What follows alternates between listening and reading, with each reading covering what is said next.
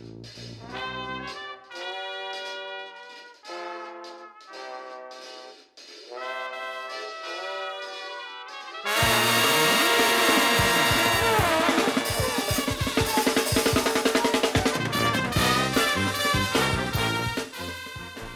a chroeso i benod 66 o Sbeidiau Heilog gyda fi, Llwyd Owen. A fi, Lee Jones, lle byddwn ni'n rhoi sylw i'r pethau bach sy'n gwneud gwahaniaeth mawr i ni yn ystod y cyfnod diben draw hollol honco hwn. Oh my god, ie, yeah, mae fe'n ddiben draw hefyd, Leasers bach. Um, fel arfer, mae rhaid ni ddiolch i'n gwrandawyr hyfryd am dreulio bach o amser gyda ni. Ni nôl yn wythnosol, mae gyda ni westau arbennig iawn i ar y benod hon mewn munud. Ond cyn hynny, os ych chi'n teimlo'n flush, gallwch chi eu cefnogi ni yn ariannol ar Kofi a mae'r manylion i gyd ar ein cyfrifon uh, cymdeithasol ni, sef ysbeidiau hei pod ar Twitter ac ysbeidiau hei log ar Instagram.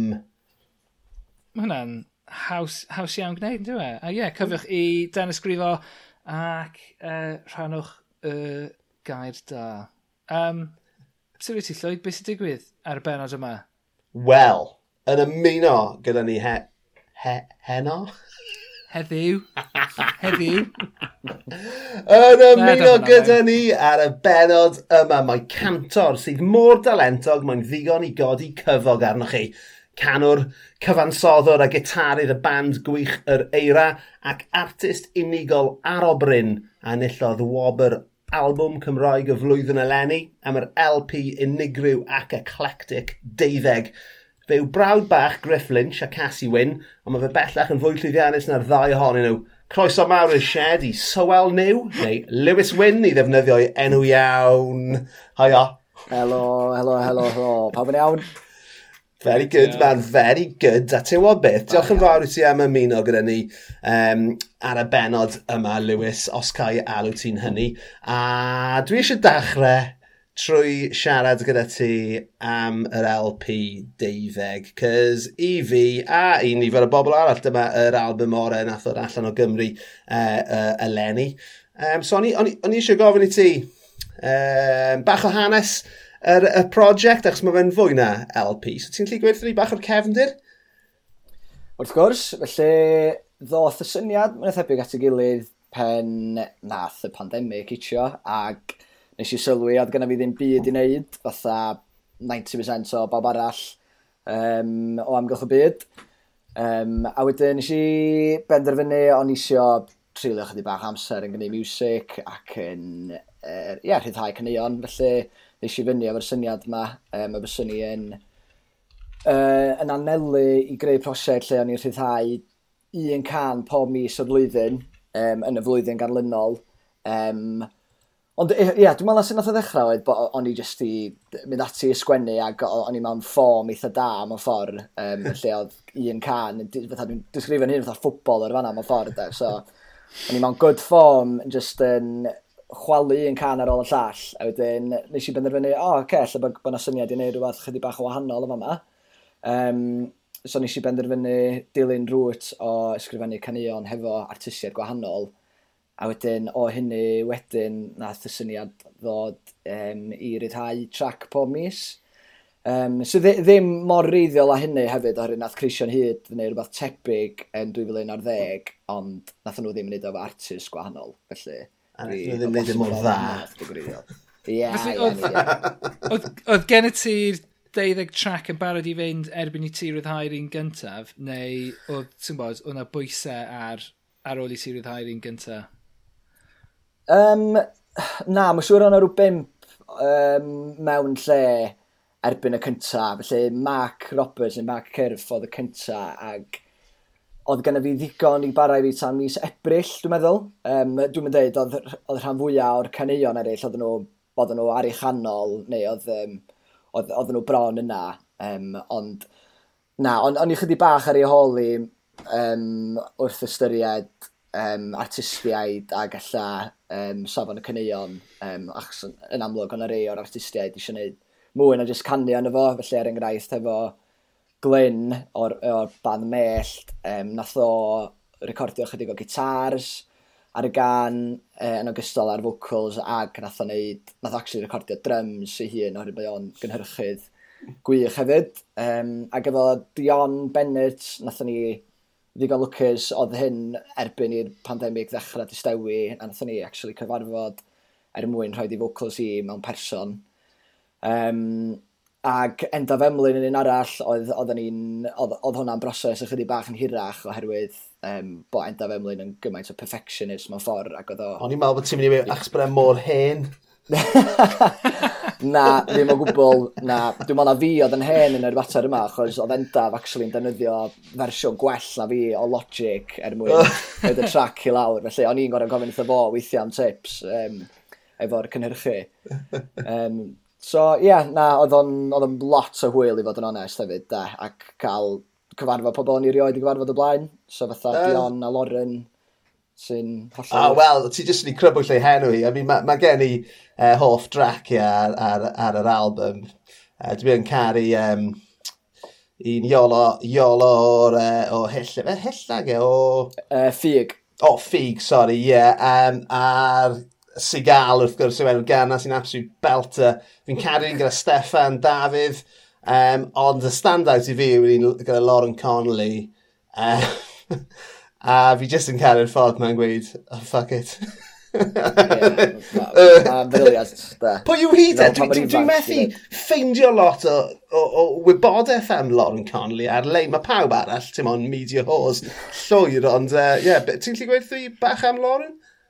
Ie, yeah, felly mae'n mae mae yn berson unigryw iawn, mae'n gwneud ei thing ei hun, di hi'm dim fatha bod hi'n taflu hun fewn i unrhyw gylchoedd penodol nes gen i'n fatha unrhyw ffi yn penodol. So dyna dwi'n eitha licio amdani. Um, felly dyna pan bod i'n eitha anodd i ffindio ar, yeah. ar y socials ac a hefyd ar yeah, unrhyw fath o gyfryngau Cymraeg. Um, felly mae'n dod o Gaerdydd fel ti'n gweld o'r acen. yeah. um, eitha, o, o'r acen. Dyna fel fi'n gobeithio bydd fy mhlant i'n synio. Os ydy blant, ia, blant di yn yn tyfu fan hyn dwi rhan Caerdydd yn definite fel, fel, fel na sy'n fydden nhw'n swnio. Fi lan, fi lan gyda end of Emlyn yn y gogledd, man. A, reit, oce, okay, iawn, oce. Okay. So, Fi'n byw rhywun y corner oedd end of Emlyn, fel mae'n digwydd. so, fydden nhw'n tyfu fan hyn swnio fel end of Emlyn, felly? Gobeithio, ei, ti'n ma, mae'n rhaid gobeithio, yn oes, mae'n mae rhaid. um, ond ie, mae actores ydi Lauren, ond dwi'n jyst yn cofio gweld fideo ni hi yn... Um, yn gwneud rhywbeth i hans, dwi'n meddwl, ac oedd y fideo jyst ei hi yn, yn bod yn ddiflawn ar dafol ac yn jyst yn deud beth bynnag griawl o ddi ar ei meddwl hi. So dyna pam o'n i'n meddwl, so chdi bach wahanol cael hi ar y trac. So dwi ddim yn gan Torres fel y cyfrin? Wel, na di, ond nes i actually ffindi allan bach yn o bod i gwneud chydig o gannu, chos nath ni gael gwneud sesiwn efo'r gyddorfa genedlaethol uh, i BBC Now fel rhan o'r wobr um, er, album Cymraeg y flwyddyn, a nath, ni, nath i ddod draw, chos oedden ni angen ymarfer efo'r trefniant, so wedyn nes i ddechrau'r canu'r bit dwi'n ganu yn y canol, a nath i ddweud, o, na i ganu hwnna efo chdi, o, oh, okay, so ti'n ti en gallu canu dim just sgrechian lawr y maic, ac, ie, yeah, so, oedd mae gen i lais amazing hefyd. Yeah. Oh, smart, mae'n rili really ddiddorol. Ac o'n i, hefyd yn darllen dan. O ti'n ysgol gyda Gwenno Morgan? Di'n o'n iawn? Ie, yeah, so mae Gwenno, os ydym yn dweud bod fi'n nabod i'n iawn yr ysgol, mae hi dipyn yn llai na fi, mae rhyw bedair blynedd yn llai na fi. Oh, okay. um, ond yn ysgol, so yn ysgol tryfan athyn ni i Mangor ag un thing eitha mawr oedd um, oedden ni'n neud yn ysgol tryfan oedd, oedd y band jazz yn thing masif. Um, a so mae rhaid, os o'n i'n y chweched ar y pryd, a dwi'n cofio um, Gwennon dod mewn i'r band jazz ar y piano a pawb fatha, oh my god, mae hon yn amazing, math o beth Um, a wedyn, ie, yeah, dwi'n cofio gweld bod i dal i wneud cerddoriaeth a bod i di astudio'r piano a felly, so um, oedd e'n rhywbeth eitha diddorol. Oh, ac, ia, yeah. yeah, mae'n bach, bach o stori yn efo fyd, gan bod i wedi bod um, o'r, yeah, yn, yn, yr un un, o'r un ardal a di mynd i'r un ysgol a fi hefyd. Ie, yeah, na, mae'n mae superb. O'n i'n absolutely caru EP, nath i um, rhywbeth EP ar y cyfnos dyl blwyddyn diwetha. o'n yn gyfuniad perffaith o fel ambient a jazz o dde, e- e- swnio, fi'n swnio fel papur wal, uh, ond dim na beth yw o gwbl, fe'n superb, a nath i rwyddhau sengl newydd wrthnos diwetha hefyd sydd just yn just mor hyfryd, mor hyfryd, mae'n mae virtuoso yn dwi ar, ar y piano. Yndi, mae, mae gen i lot o stwff newydd ar y gweill o beth dwi'n ddall hefyd, um, felly dwi'n yeah, dwi meddwl fydden ni'n disgwyl lot, lot mwy gen gwenno i ddod dros yr misoedd nesaf yma, rili. Really.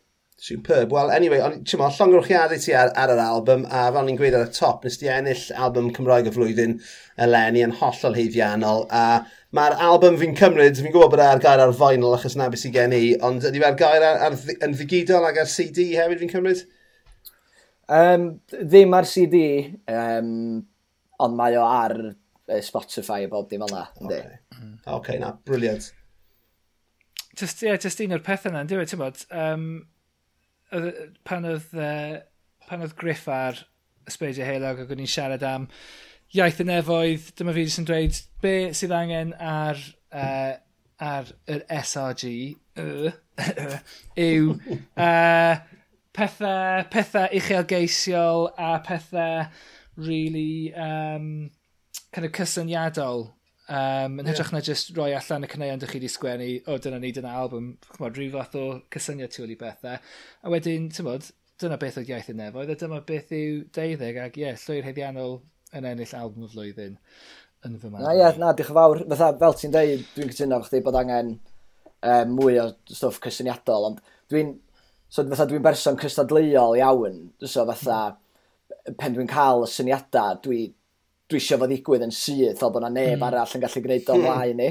So, yeah. dwi'n gwybod, os dwi'n gwybod be mae hynna'n dweud amdano fi, bod fi'n fatha off yn hen, really. Ond, uh, yeah, fatha dwi'n gobeithio fyna ambell i beth cysyniadol arall i ddod dros y blynyddoedd nesaf hefyd. Gret, oce. Okay. Well, so, cyn, cyn bod ni'n symud mlaen at y neti gritty nawr fan hyn, um, mae rhaid i fi ofyn, yr un cwestiwn nes i ofyn i dy frawd amser o dde ar y speidio hyn. O, dwi'n gwybod beth ti'n mynd i ofyn. Ie, yeah, ti'n gwybod beth ti'n mynd i ofyn. Pryd? Dwi'n sy'n syni wedi cymryd mor hir a hwn. a hefyd, os mae Cassie'n dod ar, ar, ar y podled, dwi'n mynd i ofyn iddi hefyd, pryd wyt ti'n mynd i stopio gyda'r stwff cerddorol sili yma a mynd adre i helpu dy dad gyda'r garage Ceir Cymru? Come on. Uh, o, oh, pwy awyr. Um, mae, mae hyn yn destun teuluol ers blynyddoedd. Diolch mynd yn oed yn destun teuluol, mi ydi ymestyn i gymunedau dros Gogledd Cymru, i gyd pwy sy'n cymryd dros Ceir Cymru. Um, Felly, mae hwn basically, ma basically fel cysgod y cryman yn diwe. cysgod y cryman gyda, gyda ceir o'i law. Ia, ia.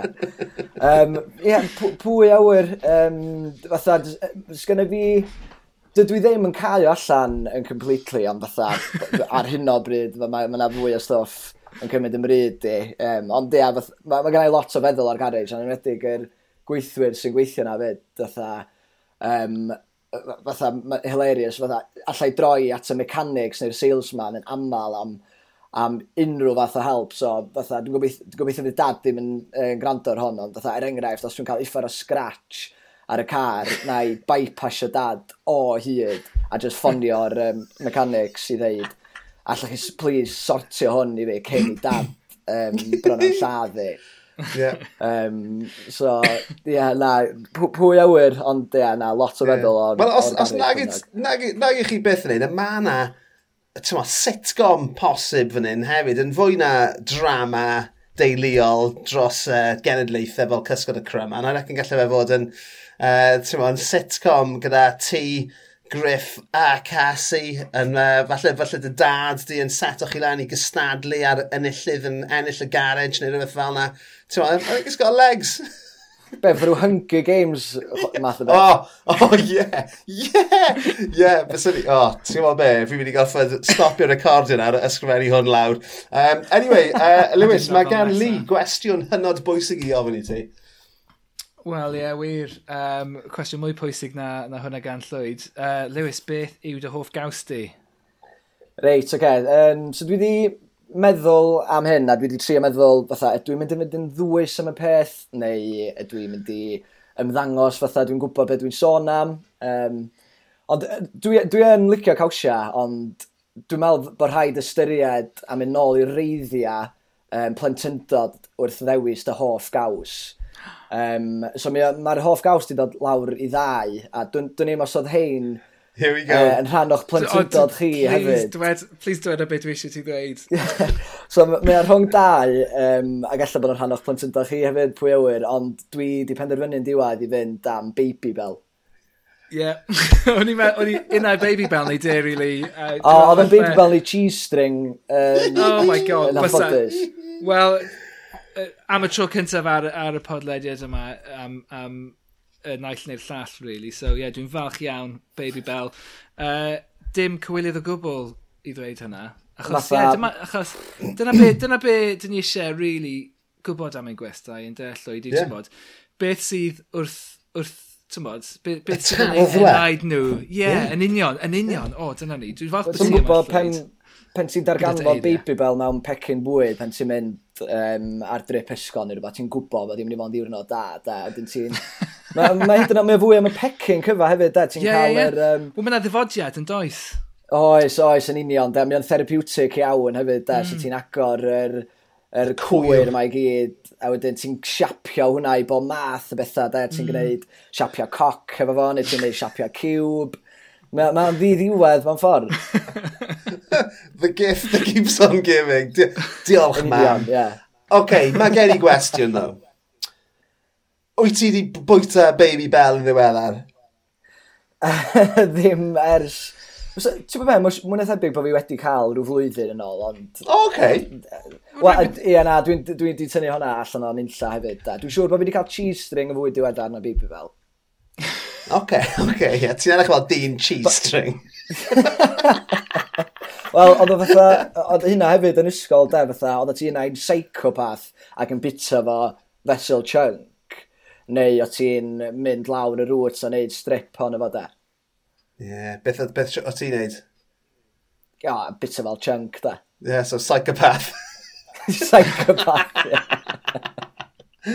oh, gwych iawn. So, Baby Bell, I mean, y broblem sy'n gen i, a ti'n mo, dwi'n dwi, siarad fel, um, fel tad, a felly, eithon ni trwy miloedd o Baby Bells, a dwi'n meddwl, dwi'n e unwaith nes i dreol blasu Baby Bell, a doedd e ddim yn blasu o ddim byd. Na, dwi'n dwi, dall dallt beth gen ti. mae fwy am y texture, dwi'n meddwl, okay. da. Fatha, okay. yr, y, y, y bait sydd yn efo. Um, so ddim llawer o flas. Um, yeah, mae fe fel, mae fe yn starter cheese go iawn, ynddo fe?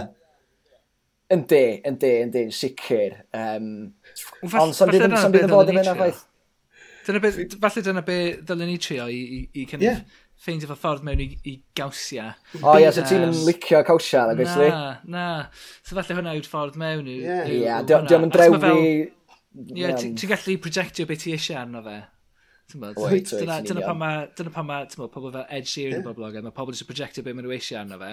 A dyna beth dwi'n mynd i wneud gyda Baby Bell, dwi'n mynd i just projectio. Do watch your world, a rhofo'r fyrgyr, rhofo'r chips, um, yeah, rhofo'r... I mean, tod, mae'n ddigon o, o gawsi aros sydd ddim yn blasu. I mean, fel ti jyst wedi gweud, rhoi ar dy fyrgyr rhoi ar dy pizza. Mae dwi'n mozzarella, dwi'n mozzarella ddim yn blasu o ddim byd, ond mae fe'n gaws, ti'n next level os, os, os ti'n toddi fe.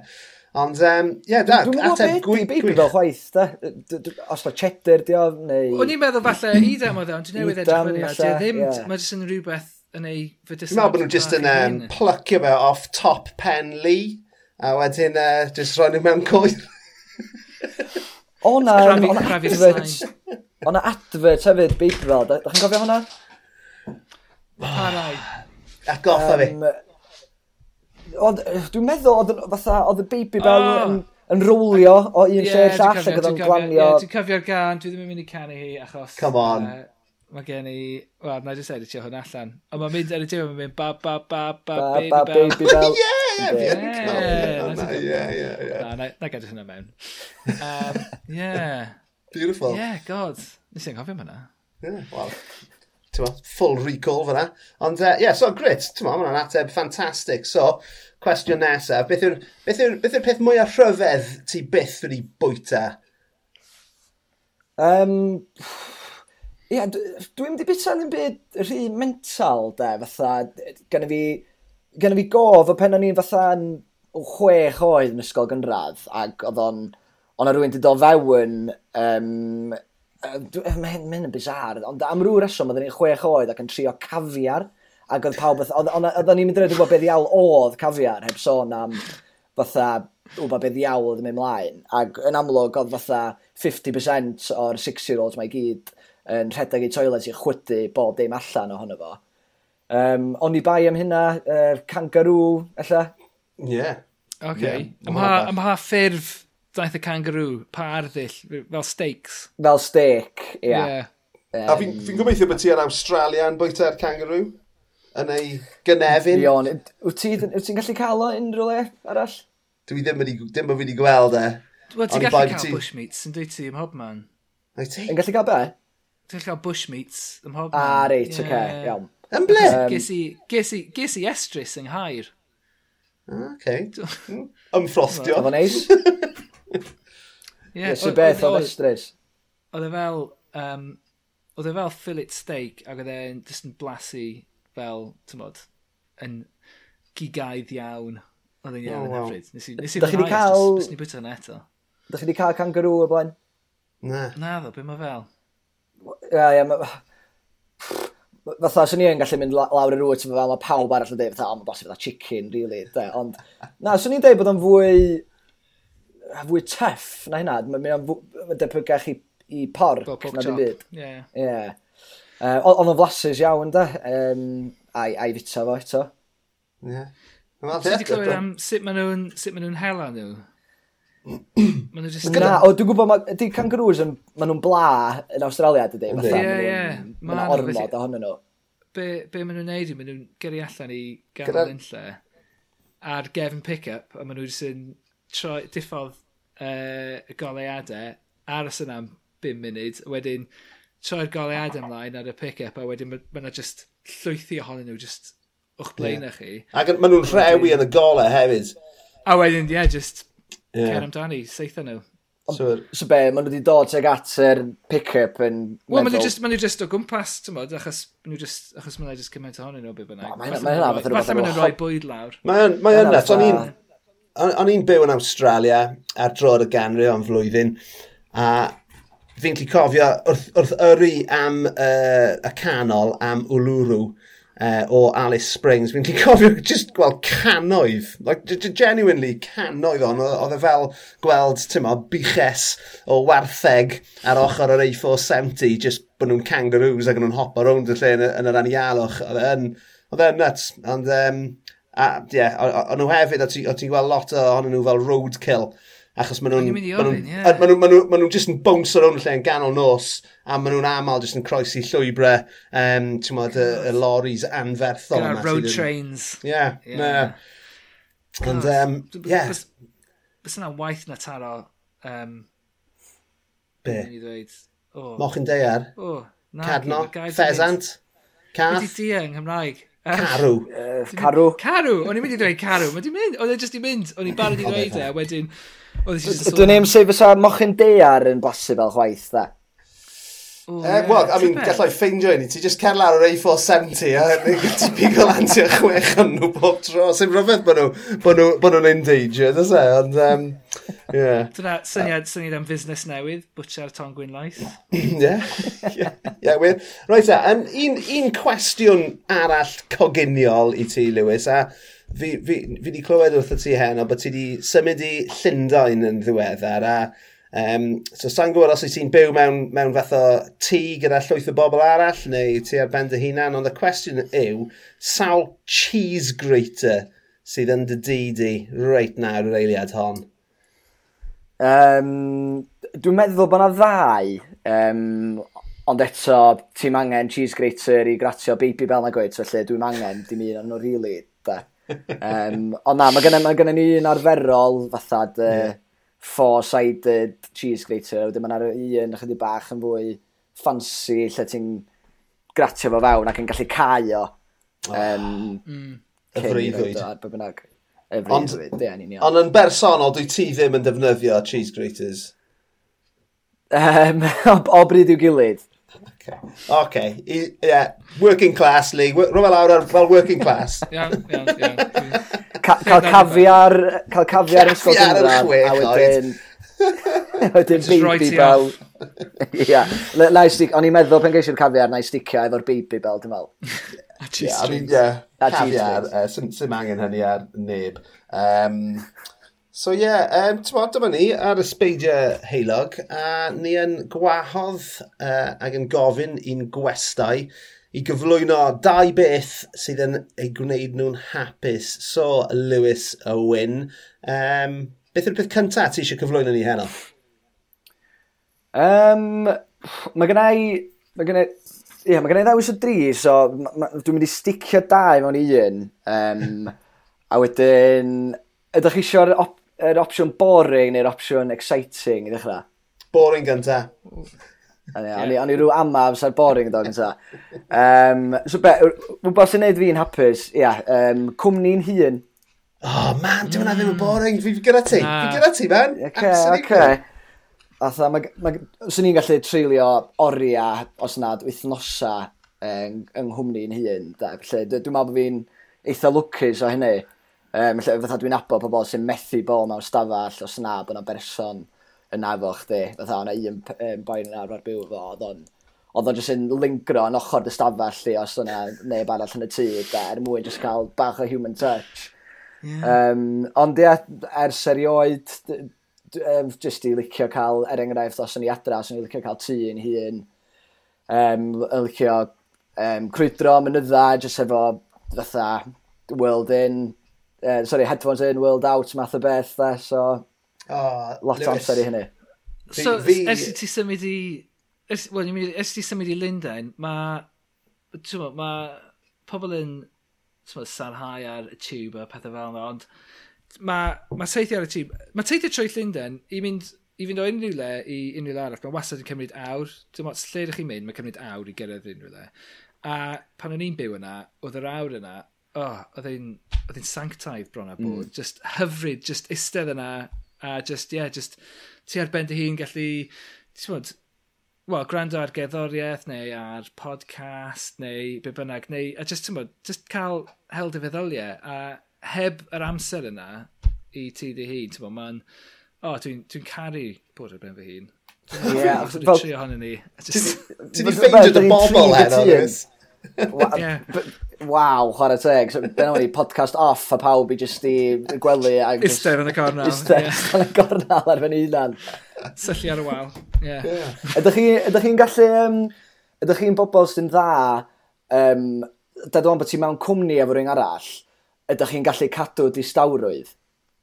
O, oh, ie. Yeah.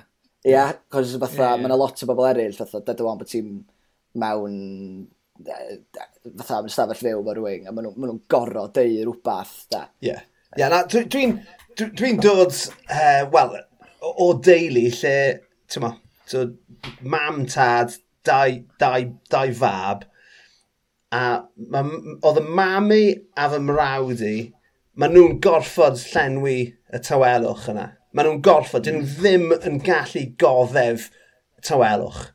Lle mae fi yn had, Uh, gallwn ni jyst eistedd yna yng Nghymru yn gilydd, ddim gweud gair.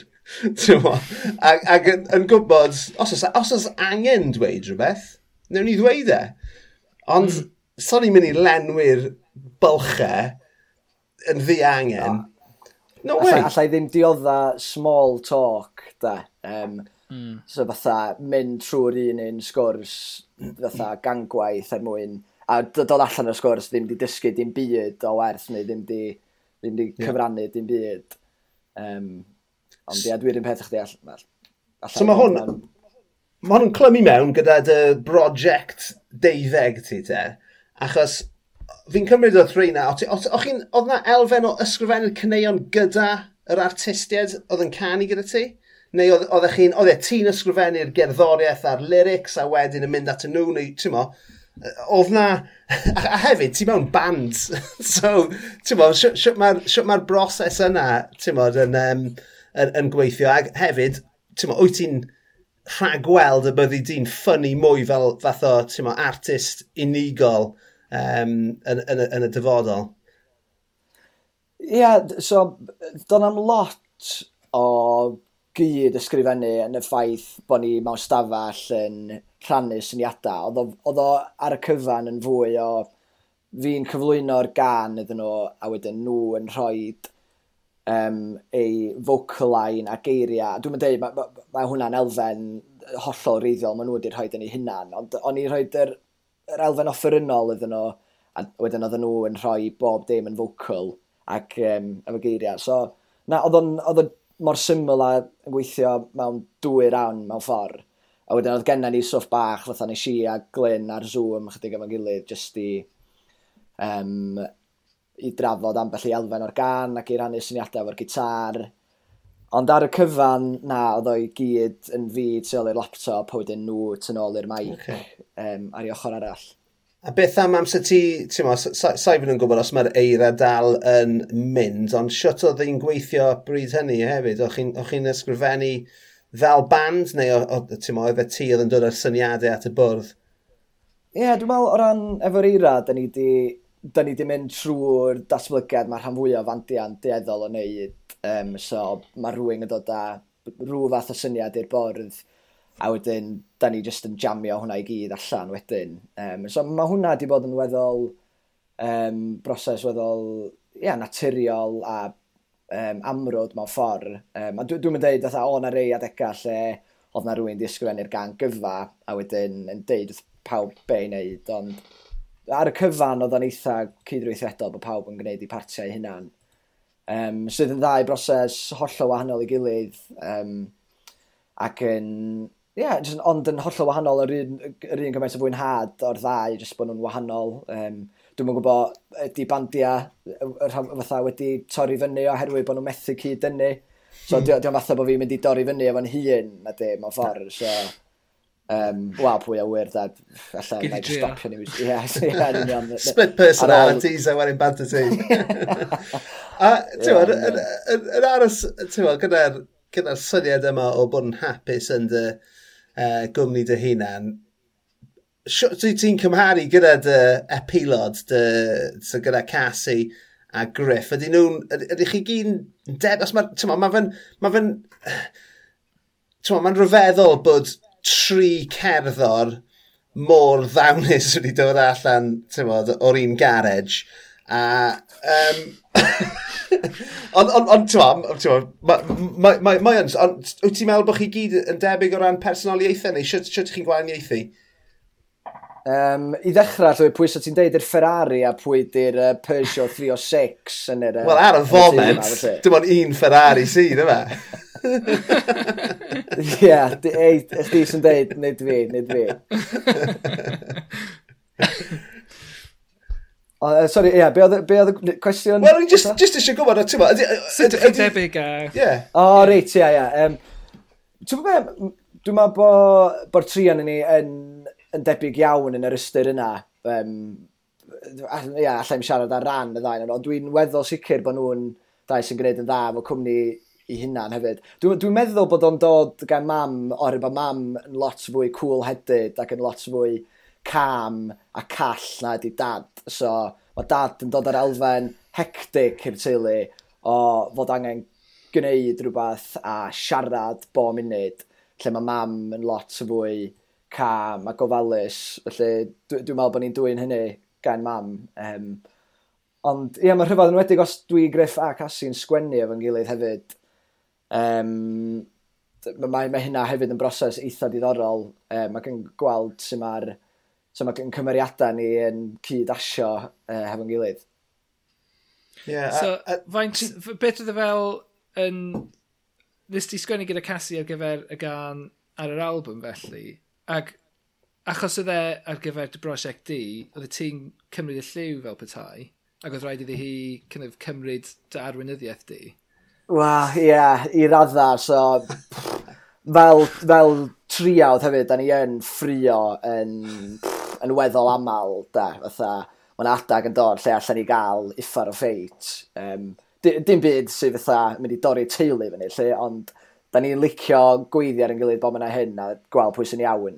Uh, so er enghraifft, pan o'n i yn sgwennu'r y gan efo Cassi, um, o bosib o'n i'n trio mynd lawr y rŵt a ddeud, reit, dyma'r gan, um, dyma sydd angen i ti wneud.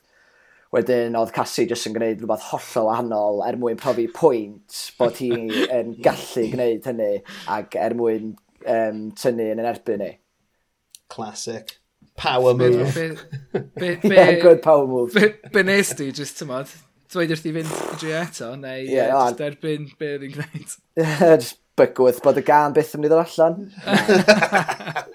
Na, dwi'n meddwl nath yn diwan, nath ni, um, nath ni ddod at i Ie, ond mae'n ffynnu, fel, dwi o hyd yn cofio nôl i un peth, nes, i... fatha, nes i, nes i chwarae'n dda yn erbyn casu, so da ni weithiau'n trio gwneud pethau er mwyn ella cael y one-up neu be bynnag. A dwi'n cofio oedd Cassi'n flin uffernol fi rwy'n diwrnod e, pan dwi adra e, Mangor. A o'n i'n gwylio teledu yn y stafell fyw ac anyway, so oedd hi'n flin efo fi ac nath hi, um, nath hi stormio allan o'r e, stafell. Ond oedd hi'n uffernol o oer ac mae yna lot o ddrafft yn y tŷ sy'n ni'n adra. So o'n i'n gwybod oedd hi'n mynd i um, oedd hi'n mynd i adael y drws ar agor. So nes i ddefnyddio chyd bach o reverse psychology a ni a gweiddi um, paid a cael y drws ac yn amlwg ben athi o just clepian y drws. So, o'n i yna wedyn yn y stafell, e, di cael ffordd yn hyn, ac yn cael one-up mawr yn. y pethau, y pethau bach sy'n neud ni'n hapus, ynddo fe? Y pethau bach na. Na beth yw, na beth yw nod yn y, y, y, y podlediad yma. Mae'n superb. So, um, o ti'n gweud bod dau beth arall ti i gyflwyno i, i, i ni, Lewis? So, beth yw'r pethau arall sy'n neud ti'n hapus? Um, Ie, yeah, felly... Dwi'n... Ti'n gwybod, nes i rando ar y podcast nath Griff wneud Um, ond mae ma rhai ba hyn chydig fisoedd yn yno. dwi'n yn cofio os yna tho ddewis hyn, um, neu be. Ond be o'n i am uh, ddewis oedd uh, tripia Wales away. Um, Oedd yn fwy penod... dewis hwnna. Do, so, allai feddwl bod o wedi. Um, ond na i fynd yn bellach na hynna wedyn, so yr, yr ail beth o, o fewn hyn ydy. So, o'n, i am ddewis um, peint ar ddi syl, Oherwydd os a ddim byd gwell na peint dy syl, oherwydd ti'n gwybod bod o ddim rili'n really iawn, um, a mae distaw, a mae just, mae'n ma deimlad da. So, bod ar Wales Away ar y diwrnod ar ôl i pawb adal, so hmm. deda on bod y gêm ar y dydd merchar, mae pawb yn dieddol o adal y, y lad ar dydd iau, ond hwnna di'r diwrnod gorau o hyd yn y ddinas yna, oherwydd bod i mewn mynd i stawach a ti just efo y criw ti di landio ar a fel arfer oherwydd bod ti 3-4 days into a heavy sesh around Europe, mae yna bethau gwirion yn digwydd hefyd. So, mm. um, just yn... Meddylfryd, meddylfryd dydd syl hefyd. Ie, yeah, och, sa'n sa byd gwell, da. Um, well, ti so... wedi cael, cael cynio rhos da rhywle ar Wales Away? dwi'n dwi meddwl mod i rioed, dwi'n pryn yn bita pen dwi'n mynd ar dripiau Wales Away heb sôn am ginio dy syl, felly Alla, yr hynna fyddai'n mynd, alla, fydd angen i fi ddechrau meddwl fwy am be, fatha, pa fath o gyniad syl neu pa fath o fine dining fydden ni'n neud yn y dinasoedd yma. Yeah. Okay, so cwestiwn e, Lewis. Uh, yn gyntaf, sawl uh, trip ti wedi bod arno yn dy fywyd ifanc di? Reit. Um, dwi'n meddwl bod o rhyw... Dwi'n meddwl bod o ta deuddag erbyn hyn. Um, allai'n deud hynna gant y cant chwaith, allai bod o fymryn yn llai, ond fatha rhai off ym ymhen dwi'n cofio di... Um, athyn ni wylio Serbia yn 2017, athyn ni Austria hefyd yn 2017, uh, Hwngari, Croatia, Werddon, Glad Belg, Denmark, um, ymysg rai arall hefyd. Felly, na, maen nhw, maen nhw wedi bod yn dripio anhygol mewn ffordd. A ti'n ti mynd gyda'r un boys bob tro? Yn do, da ni'n deall o fynd yr un un criw, um, felly dwi'n mynd fel arfer... Mae yna ma griw eitha mawr, ma, yn amlwg o'r bod pawb yn gallu bob tro, mae o'n deaddol o fluctuate o membryn, ond dwi'n mynd fel arfer efo hoci ar band papur wal, Um, oh a wedyn ychydig o bobl eraill hefyd. So, fel allwch chi ddychmygu, mae'n mae fler iawn, da. Ie, yeah, yeah. well, fel mae'n fel mae'n fod, yma, fel, fel dylsau fod. Yeah. Um, lle, y lle gorau ti wedi bod ar, ar daith gyda, gyda Cymru? Um, nes i wir fwynhau y trip dwytha i Glad Belg, o'n i rioed di, bo, uh, di bod yna blaen. Um, o'n i'n meddwl Brussels yn ddinas anhygol, oedd hi'n hi fach, oedd gen ti'r sgwariau um, mm. canolog yma, oedd gen ti gwrw da hefyd.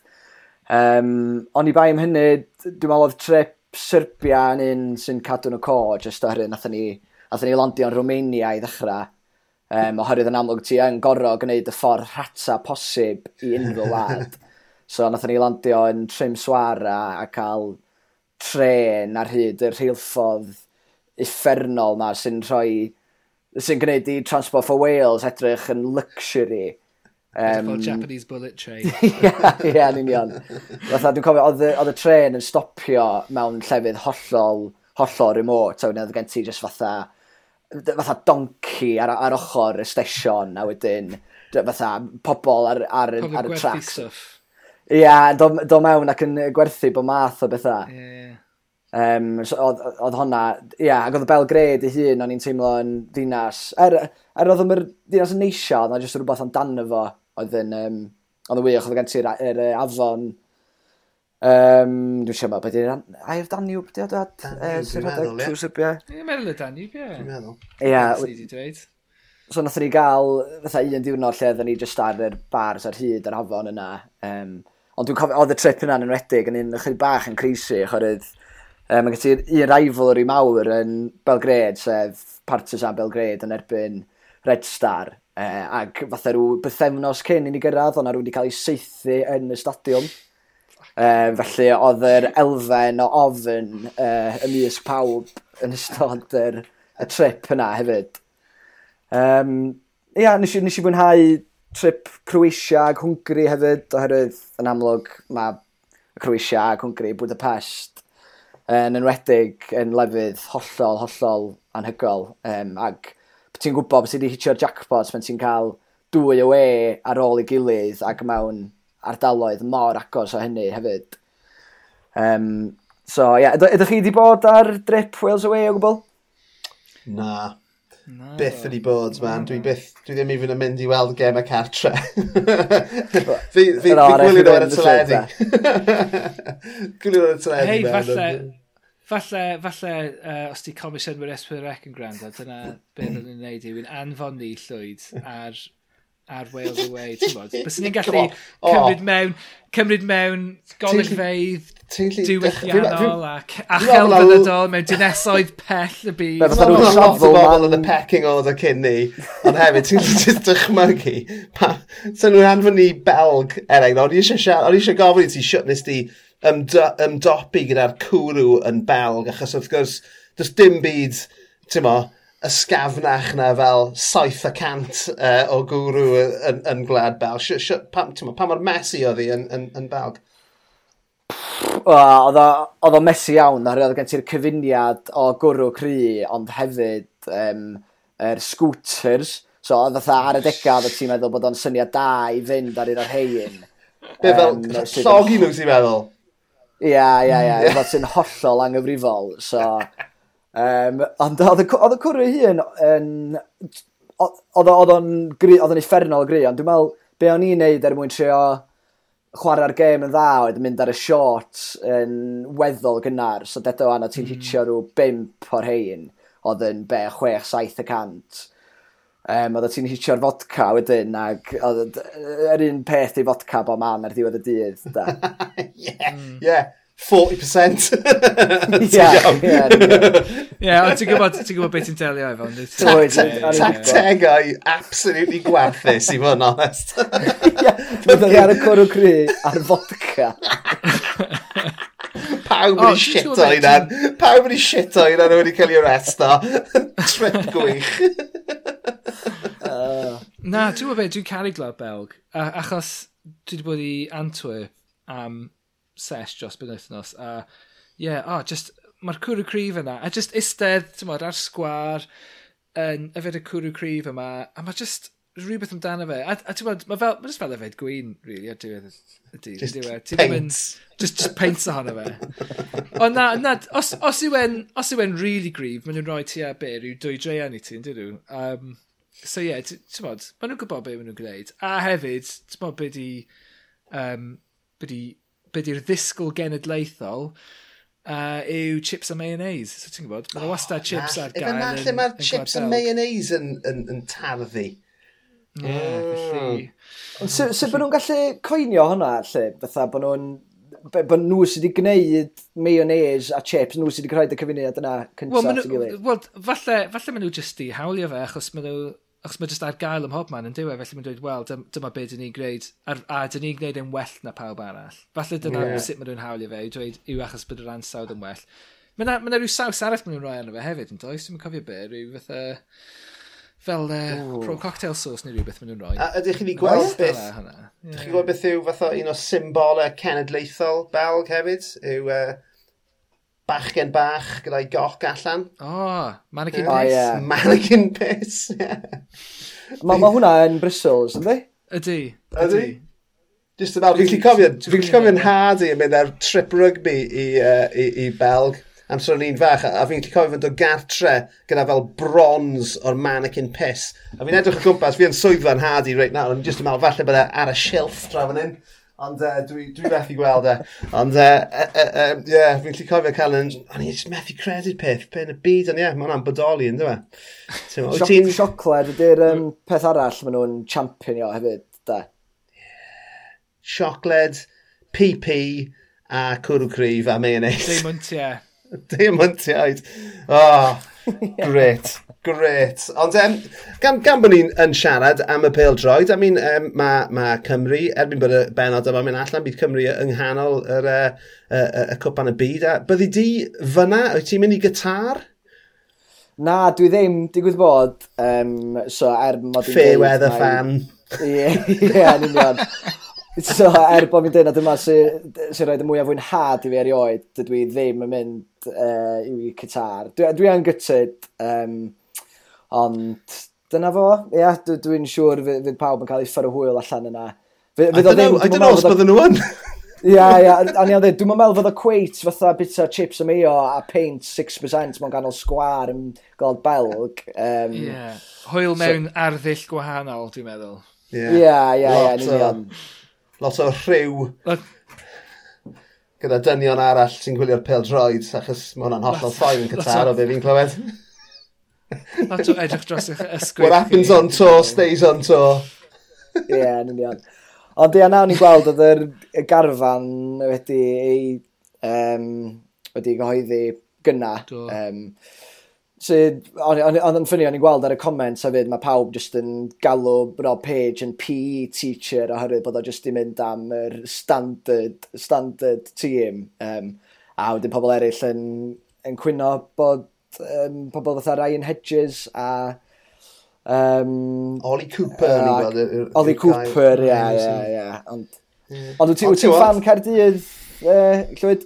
Uh, na, dim really man, dwi, dwi, dwi, dwi wedi... Nid ers y crysau cachion. Na, dim ers y crysau cachion. Na, ti'n gwybod be, yr, yr unig bel droes dwi'n gwylio yw Gem y Cymru. Uh, erbyn hyn, dwi'n gwylio Gem yn Merched hefyd, ond, ti'n gwybod, ond ar unig gemau, does dim gen i unrhyw ddiddordeb mewn, uh, mewn peldroed y clybiau. Ond wrth gwrs dwi eisiau gweld Cymru yn ffynnu ar bob llwyfan a maen nhw, ma nhw ar llwyfan mwy ar byd o ran peldroed a mae fe'n Tewa, ni wedi siarad am hwn o'r blaen fi a Lee ar y podlediad yma. Mae ma, ma, ma beth mae'r um, FAW wedi wneud i hunaniaeth Cymru a dros yr iaith Gymraeg yn anhygoel. Um, ac mor gadarnhaol, mor positif, a byddwn ni'n fythol ddiolchgar iddyn nhw, beth bynnag sy'n digwydd ar y cae, a sy'n neb yn disgwyl i Gymru wneud lot ar y cae, i fod yn onest, ys. Um, e? ond ti'n mo, does dim ots am hynny, achos mae be maen nhw'n gwneud oddi ar y cae yn just yn wefreiddiol. So, ie. Yeah. Well, yeah, dyma'r thing i ti'n mae'r ma, um, ma Llywodraeth Cymru yn cyfio'n hau am fo'n pobl allan yna, oherwydd, ti'n modd, um, uh, diplomyddiaeth dych chi'n cael trwy chwaraeon a pethau fel yna. Um, ond, ti'n bod, pa, pa ots yw os di gwleidyddion yn mynd yna, achos nid nhw sy'n lledeini'r gael, nid nhw sy'n gwneud, nid nhw sy'n mynd i fod yna yn, ti'n bod, uh, genhedledd wasg ar ôl gêm yn siarad Cymraeg gyda newydd i dirwyr, chymod, o flaen mm. newydd i dirwyr eraill y byd. Um, felly, ie, yeah, mae jyst yn... Ie, yeah, mae yn un diddorol fatha gwybod Chos yn amlwg mae yna lot o ddadlan erbyn os ddylia ni fod yn mynd, neu fatha'n amlwg lot o bobl yn cymryd yr, y moral high ground a ddeud fatha bod ddylia ni ddim mynd o ran y rhesyma moesol ac yn y blaen, ond mae, mae o'n tuff o'r pen ti'n ysyried na'i cwpan y byd ydi o, ac yn amlwg mm. mae FAW yn mynd yna er mwyn hyrwyddo Cymru ar lefel rhyngwladol. Dyn nhw'n mynd yna i hyrwyddo unrhyw, um, unrhyw foesa sydd yn perthyn i, i Qatar. Um, so, mae o, ia, mae o yn un tuff, ond dwi'n meddwl ar y cyfan, mae pawb sy'n yn mynd mynd allan yna, yn mynd jyst am y rhesyma o gefnogi Cymru. Hey, yn, boss. Yn, yn gwybod y byd. Wel, hey, ti'n gwybod, mae ma, ma pel droed o ran diplomyddiaeth a codi profil Cymru yn rhyngwladol heb AI, dwi wedi trydar am hwn yn y gorffennol, ti'n gallu gweld, um, mae ma Google, mae gyda nhw um, uh, peth o'r enw Google Trends, a ti'n gallu gweld pa mor poblogaidd yw gwahanol pethau sy'n cael eu chwilio amdanyn nhw ar Google dros amser. A mae yna, os ti'n edrych yn hanesyddol ar um, pa mor aml mae pobl yn America yn googlo Cymru, mae yna spikes anferth.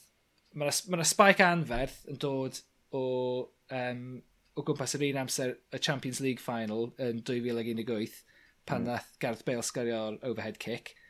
Um, a wedyn, mae yna spike anferth arall pan nath Cymru um, qualify ar gyfer Euros diwetha. Um, a wedyn mae yna spike bach pan nath uh, Ryan Reynolds a Rob McElhenney brynu um, Wrexham. Spike mawr um, yn ystod y Euros a pan nath, nhw, pan nath Cymru uh, qualify gyfer cwpa yn y byd yma, ond uh, spike anferthol arall o bobl yn America yn chwilio am Cymru ar Google uh, pan nath y gyfres Welcome to Wrexham cael ei ddarlledu. Yeah. A bydd cwpan, bydd cwpan y byd yma, achos Cymru di game cynta uh, America, yeah. bydd, bydd, oh my god, mae just, uh, ti'n bod, mae be, 400 miliwn o bobl yn America, bydd ti a hanner ohonyn nhw'n gwylio hwnna, ac yn meddwl, pwy ffuck di Cymru? O'n i'n gweld... Fucking Chris um... Gynta, a pam bod e'n y squad, da beth nhw'n gofyn.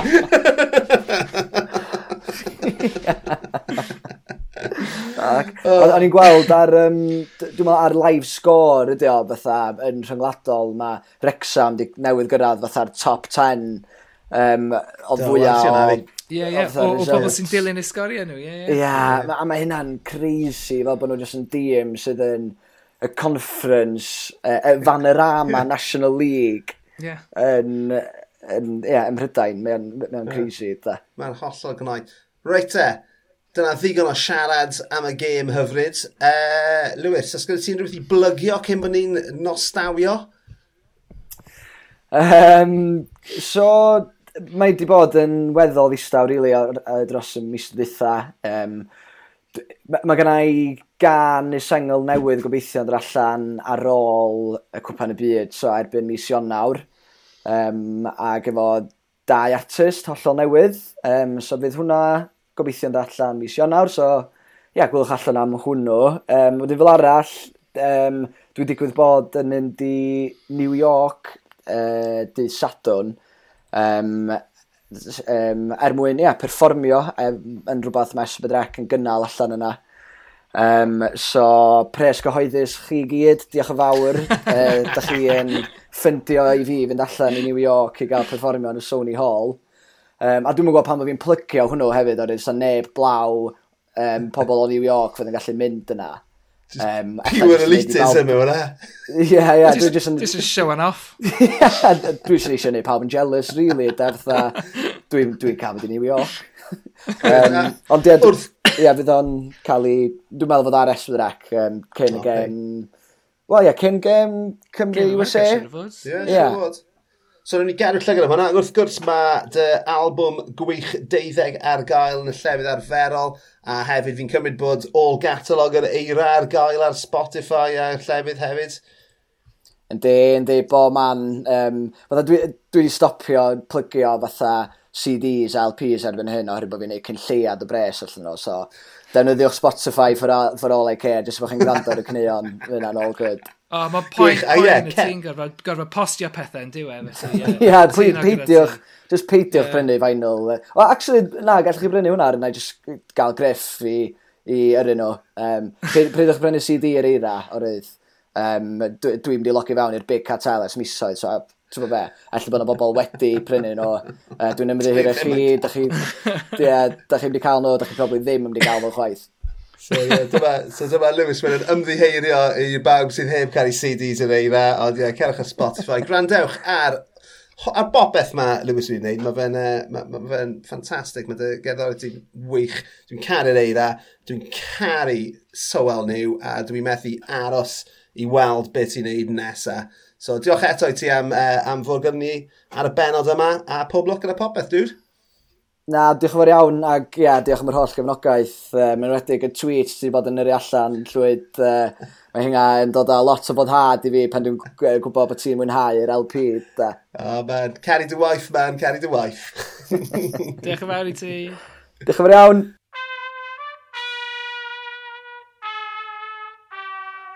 Wel dyna ni am benod arall Lewis Wyn am westau rhagorol o oh, llwyd. mae gen i just westau ond rhagorol oh. wythnos ar ôl wythnos. Maen nhw yn, uh, wel, maen nhw'n rhagori o hyd ac o hyd. Ond dwi'n meddwl bod hwn i siwr o fod lawr i ti a fi, really, bod yn honest. Um, so anyway, diolch... bit gorau. diolch i ti. Diolch i Lewis. Diolch i chi am rando. Cefnogwch ni trwy hoffi a dilyn a rhannu a cerwch ar, ar y link tree, rhowch arian ni os chi eisiau, ond sy'n rhaid i chi, a fel arall, newn ni weld chi ar y benod nesaf. Ta-da!